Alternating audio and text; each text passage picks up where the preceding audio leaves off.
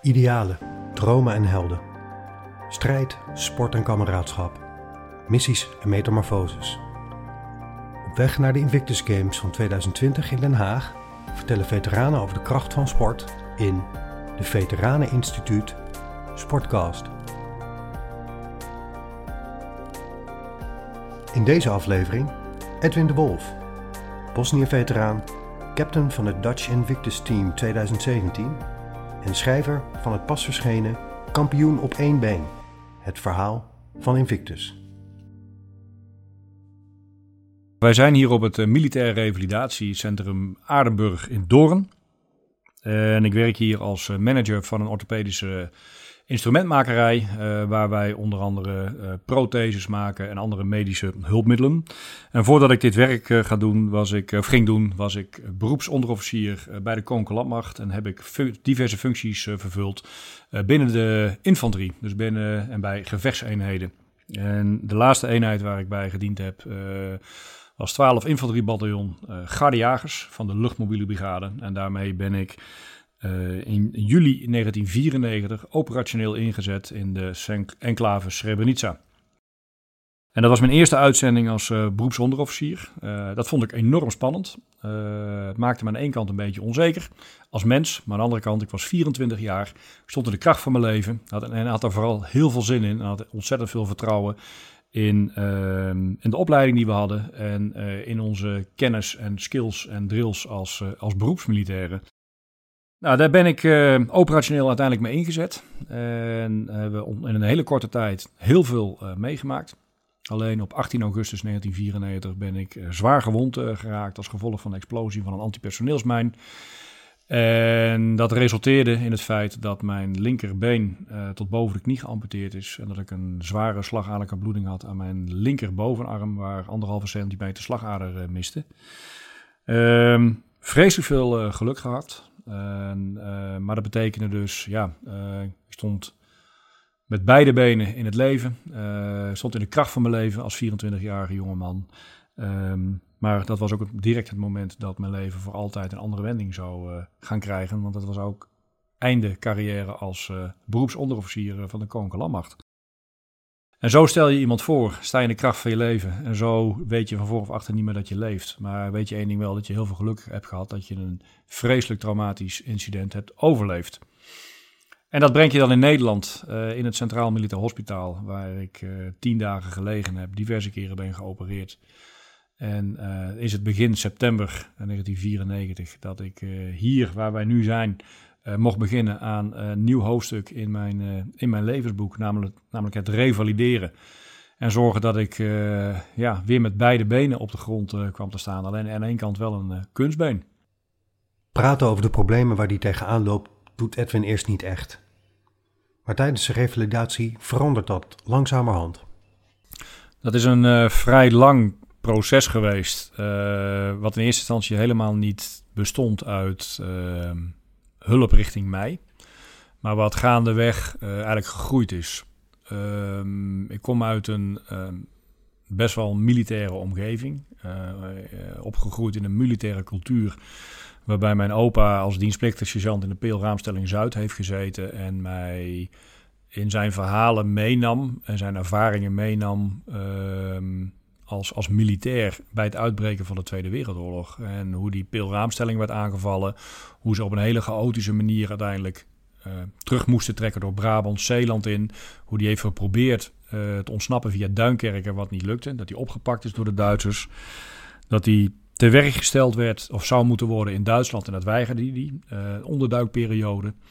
En dat boeide mij ontzettend als, uh, als jongeman. Maar mijn vader had een beetje gelijksoortige verhalen. Alleen het ging dan met name over het stabiel houden van de wereld. Omdat we midden in de Koude Oorlog zaten. Oost en West.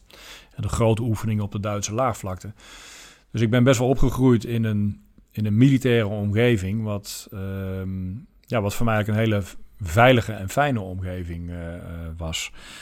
Um, als je opgroeit in zo'n omgeving, uh, met ook de opleiding die daarbij hoort, dan, uh, um, ja, dan ontstaat er ook een soort cultuur bij je. Dat je in instantie, als er wat gebeurt, vooral alleen maar wil praten met mensen uit die cultuur en omgeving.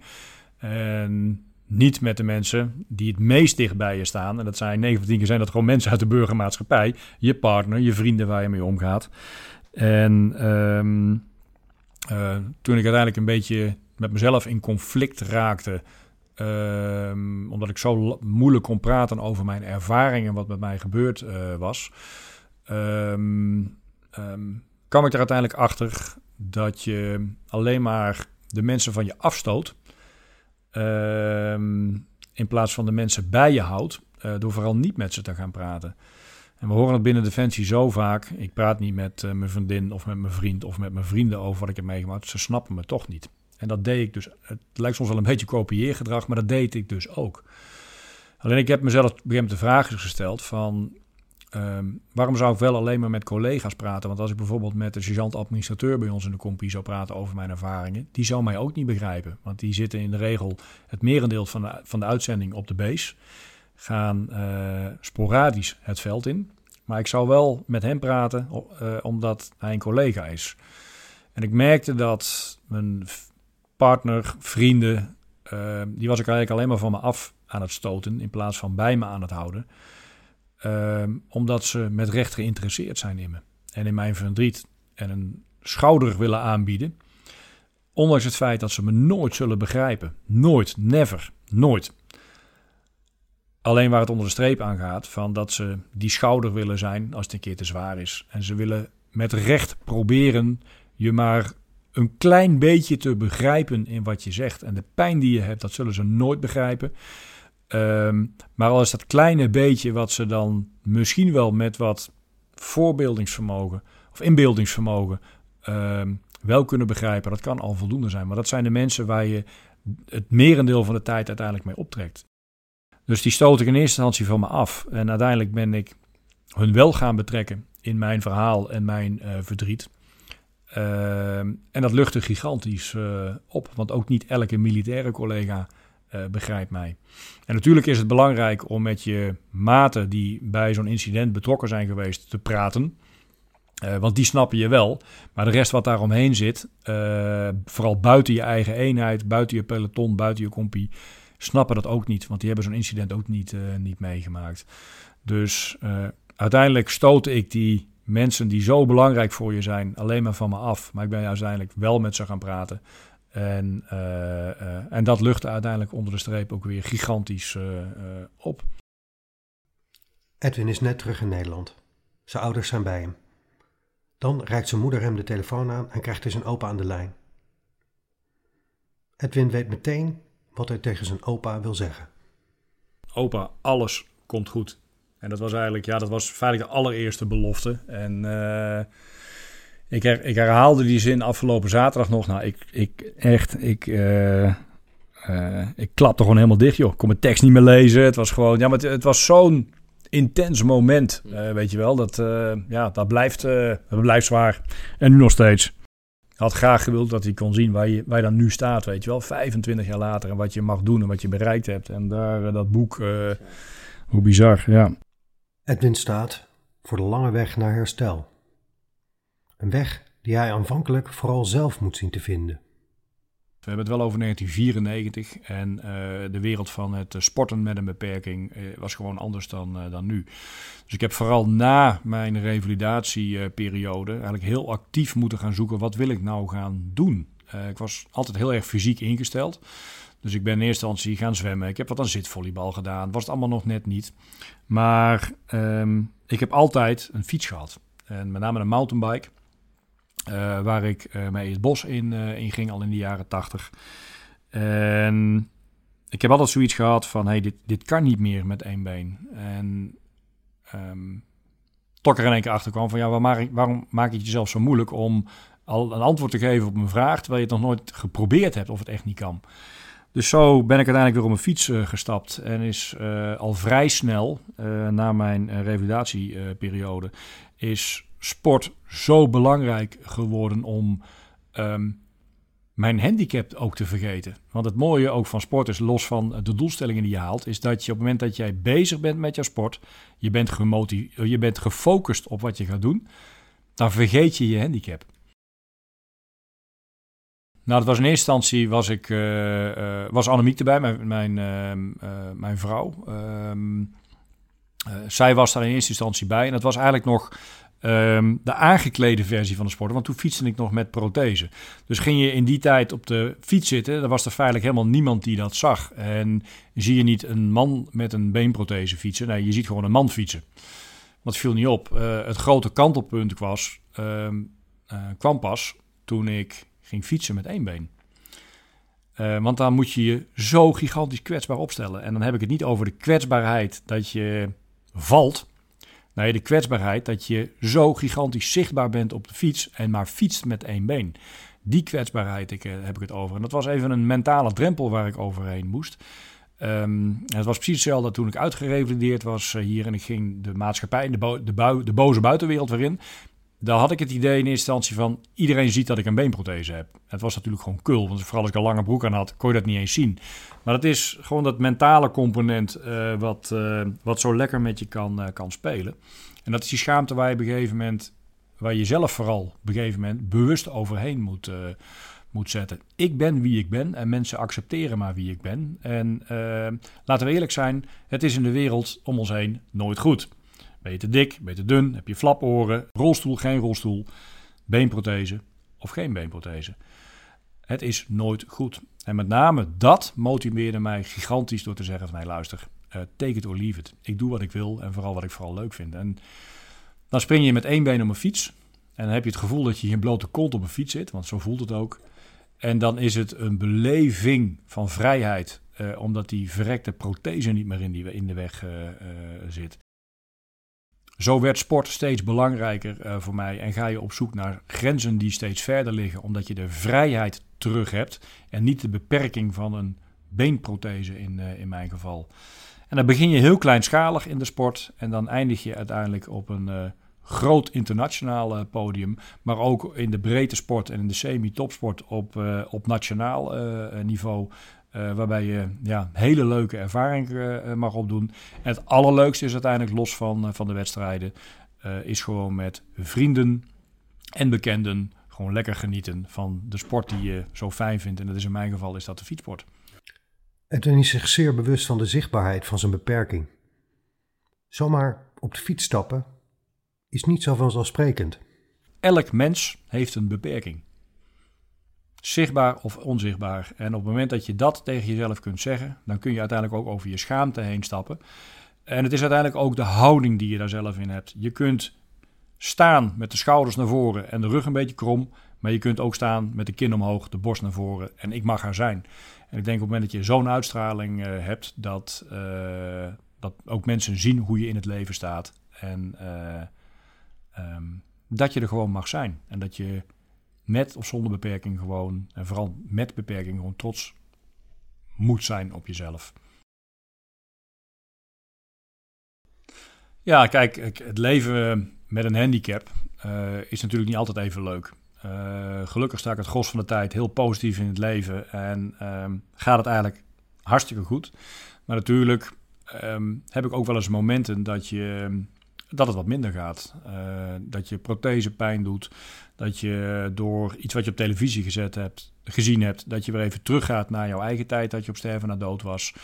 Um, en dan ontstaat er een emotie. Uh, en ik omschrijf dat altijd als een gezonde vorm van emotie die naar boven komt. Omdat je nogal wat hebt meegemaakt uh, onder de streep. En als je die emotie niet zou voelen, denk ik, dan zou je ziek zijn en heb je hulp nodig. En ik focus altijd zoiets op van luister, um, die pijn die je op dat moment voelt is tijdelijk. Maar op het moment dat je opgeeft, dan is dat voor altijd. Zo heb ik de afgelopen vier maanden op krukken moeten rondkrukken zonder een beenprothese. En dan kun je heel erg blijven hangen in het feit dat je op één been door de stad moet op krukken, terwijl iedereen het ziet.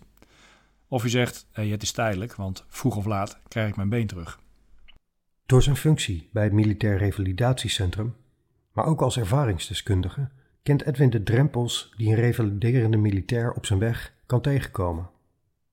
De barrières die ik hier zie, uh, of uh, de barrières waar ik over hoor, hebben vaak toch wel mee te maken dat mensen zich niet begrepen voelen of dat ze tegen uh, soms bureaucratische regels aanlopen.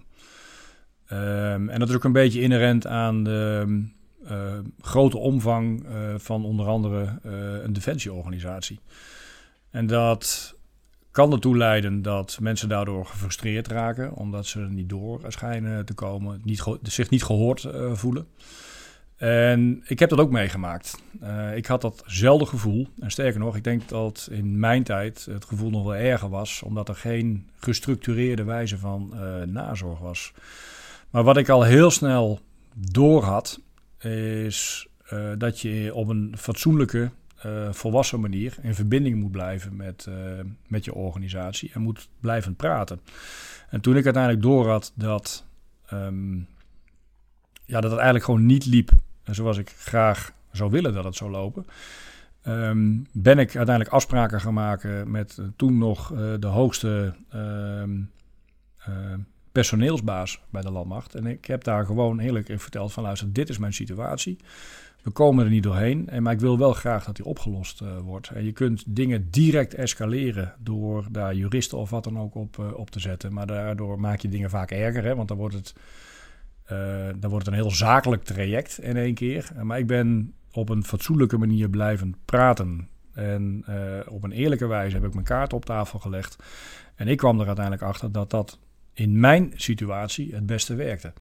Je moet met dit soort uh, vragen en antwoorden altijd zorgvuldig zoeken naar je antwoorden, want alles is individueel. Uh, is heel erg persoonsafhankelijk, situatieafhankelijk en net wat er, wat er speelt. Je hebt ook groepen gewonden die zijn dusdanig zwaar beschadigd dat het heel lastig is om daar een oplossing bij, bij te bedenken. En dat heb je niet alleen bij Defensie, dat heb je ook in de burgermaatschappij. Dat kom je overal kom je, kom je dat tegen. En dan is het heel lastig om, ja, om rustig in gesprek te blijven, om oplossingen te zoeken. Want soms zijn ze er gewoon domweg niet. En dan kom je in een fase dat je vooral het monitoren belangrijk uh, wordt en, en belangrijk blijft tot in lengte van jaren. Militairen werken het liefst met militairen. Maar Edwin komt gaandeweg tot de conclusie dat het juist in een zwaar revalidatietraject heilzaam kan zijn met gewone burgers op te trekken. Daarbij wordt hij vooral geïnspireerd door het boek Reach for the Sky van de legendarische Britse gevechtsvlieger Douglas Bader. Nou, het kwam meer uh, door een boek wat ik, uh, wat ik aan het lezen was van een Engelse gevechtspiloot in de Tweede Wereldoorlog. Die uh, um, um, ook heel strak eigenlijk in de wereld uh, stond. Maar vooral na de Tweede Wereldoorlog is ehm, gaan richten op het helpen van. Hij was zelf twee benen kwijt uh, geraakt in de net voor de Tweede Wereldoorlog. Heeft uiteindelijk een, is uiteindelijk een heel succesvol gevechtspiloot geworden. En met zijn squadron was hij doorslaggevend in, in de slag om Engeland. Maar deze man um, is na de Tweede Wereldoorlog gaan um, mensen gaan helpen, militairen en burgers in Engeland. met name ook burgers met amputaties. Terwijl die helemaal niks met defensie hadden en vaak door ziektes of door een ongeluk een been zijn uh, kwijtgeraakt. En hij ging juist met zijn militaire achtergrond en zijn militaire cultuur, ging die juist wel zijn ervaring delen um, richting mensen in de burgermaatschappij. En dat triggerde mij eigenlijk best wel. Ik denk van ja, dat is eigenlijk wel heel erg slim om, uh, om te doen. En um, natuurlijk hebben die mensen met een amputatie uit de burgermaatschappij geen flauw benul wat hij, heeft, ooit, wat hij meegemaakt heeft. Zullen hem ook nooit begrijpen. Um, maar hij, hij, was er, of hij is er wel uh, voor ze. En dat was voor mij min of meer zo'n punt dat ik dacht van... Hey, um, ik moet kappen met, die, uh, met dat meepraten. Hè, want ik vind, het, ik vind het een beetje meepraten. Ik praat niet met, uh, met mensen die er niet bij waren, want ze snappen me toch niet. Nou, dit, is algemeen gehoord binnen, binnen Defensie. Maar ik ben het juist, met name door, door hoe die Douglas Bader in het leven stond, ben ik het wel gaan doen. En uiteindelijk onder de streep zijn de mensen die echt in je inner circle staan. En dat zijn toch je familie, je vrienden, je partner. Zijn dat de meest belangrijke mensen die, die er zijn. Hier, hier revalideren burgers en militairen naast elkaar. Uh, ik vind een prachtige combinatie wat elkaar gigantisch mooi versterkt. En uh, dat kan uiteindelijk, kijk, met mentale, met mentale zorg kan dat misschien ook wel helpen, al zit ik daar niet zo in. Want uiteindelijk de bron van alle ellende dat is bij heel veel mensen anders. Maar je zult uiteindelijk, om vooruit te gaan, moet je loslaten, hè, die ellende. En dan ga je over een nieuwe startlijn heen. En dan maakt het helemaal niet uit of je burger of militair bent. Ben je een been kwijtgeraakt als gevolg van een explosie als militair. Of ben je een been kwijtgeraakt iemand uh, omdat je een auto-ongeluk hebt gehad. Uh, wat veroorzaakt is door een dronken iemand. Op het moment dat je die nieuwe startlijn overgaat, wordt het verhaal gewoon exact uh, hetzelfde. En ga je alle twee door dezelfde shit heen. En je, dan kun je elkaar waanzinnig mooi versterken. En ik schrijf dat ook in mijn boek dat we, uh, wij mensen met een beperking van Defensie en uit de burgermaatschappij, we hebben elkaar nodig en we kunnen heel veel van elkaar leren.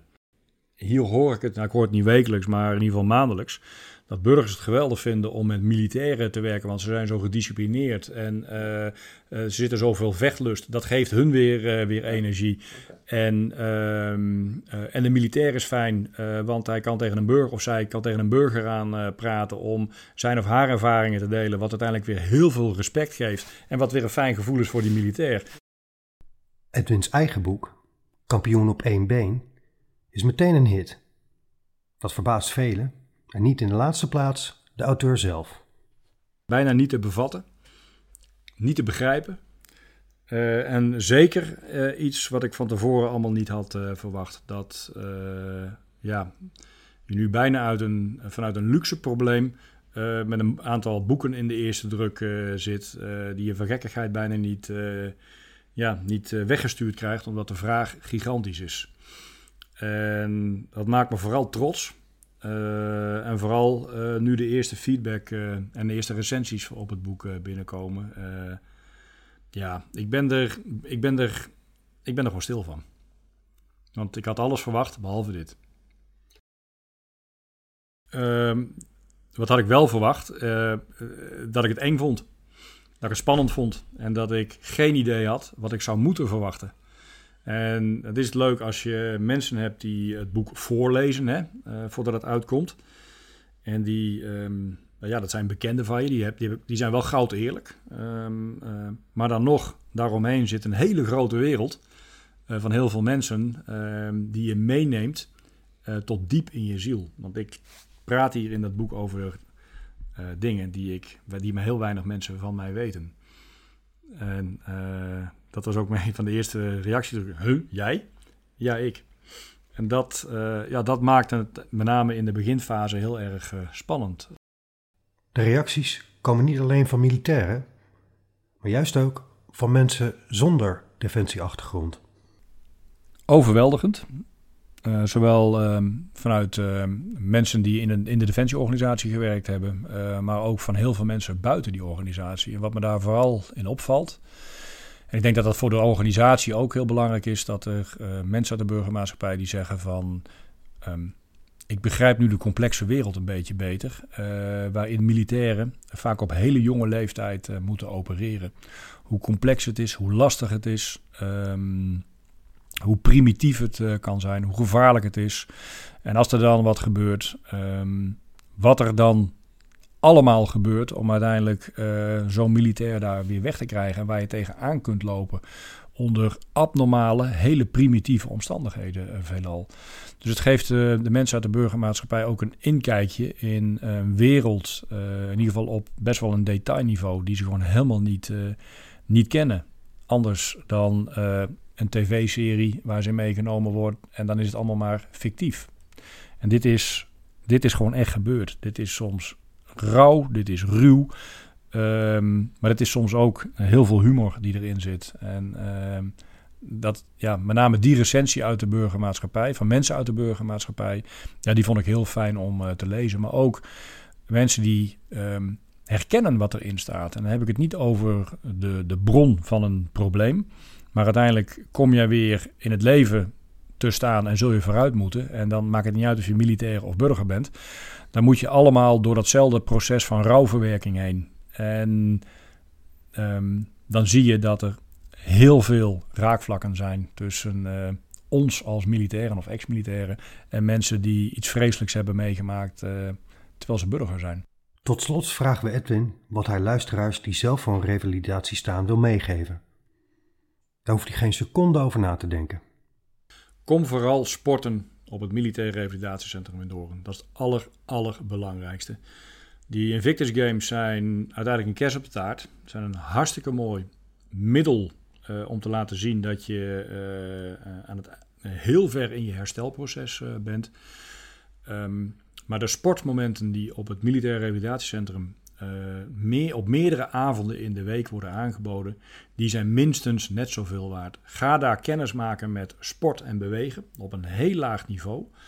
Met een, um, met een hele fijne begeleiding daarbij. Ga meedoen aan de open trainingen die georganiseerd uh, uh, worden. Um, en uiteindelijk, als je um, ja, nog verder gegroeid bent in jouw eigen herstel- en revalidatieproces, dan zouden die games wel eens een kers op de taart voor jou kunnen worden. Maar ik denk dat het meest belangrijk uiteindelijk is: um, kom sporten hier bij ons in, in Doorn. Want dat is uiteindelijk het meest belangrijke wat er is. Want we willen mensen in beweging krijgen. En want we zien zowel aan de mentale, aan de kant van de mentale verwondingen als de lichamelijke verwondingen, dat dat gewoon een hele positieve invloed heeft op en een heel positief effect heeft op, op je mindset en op je lijf.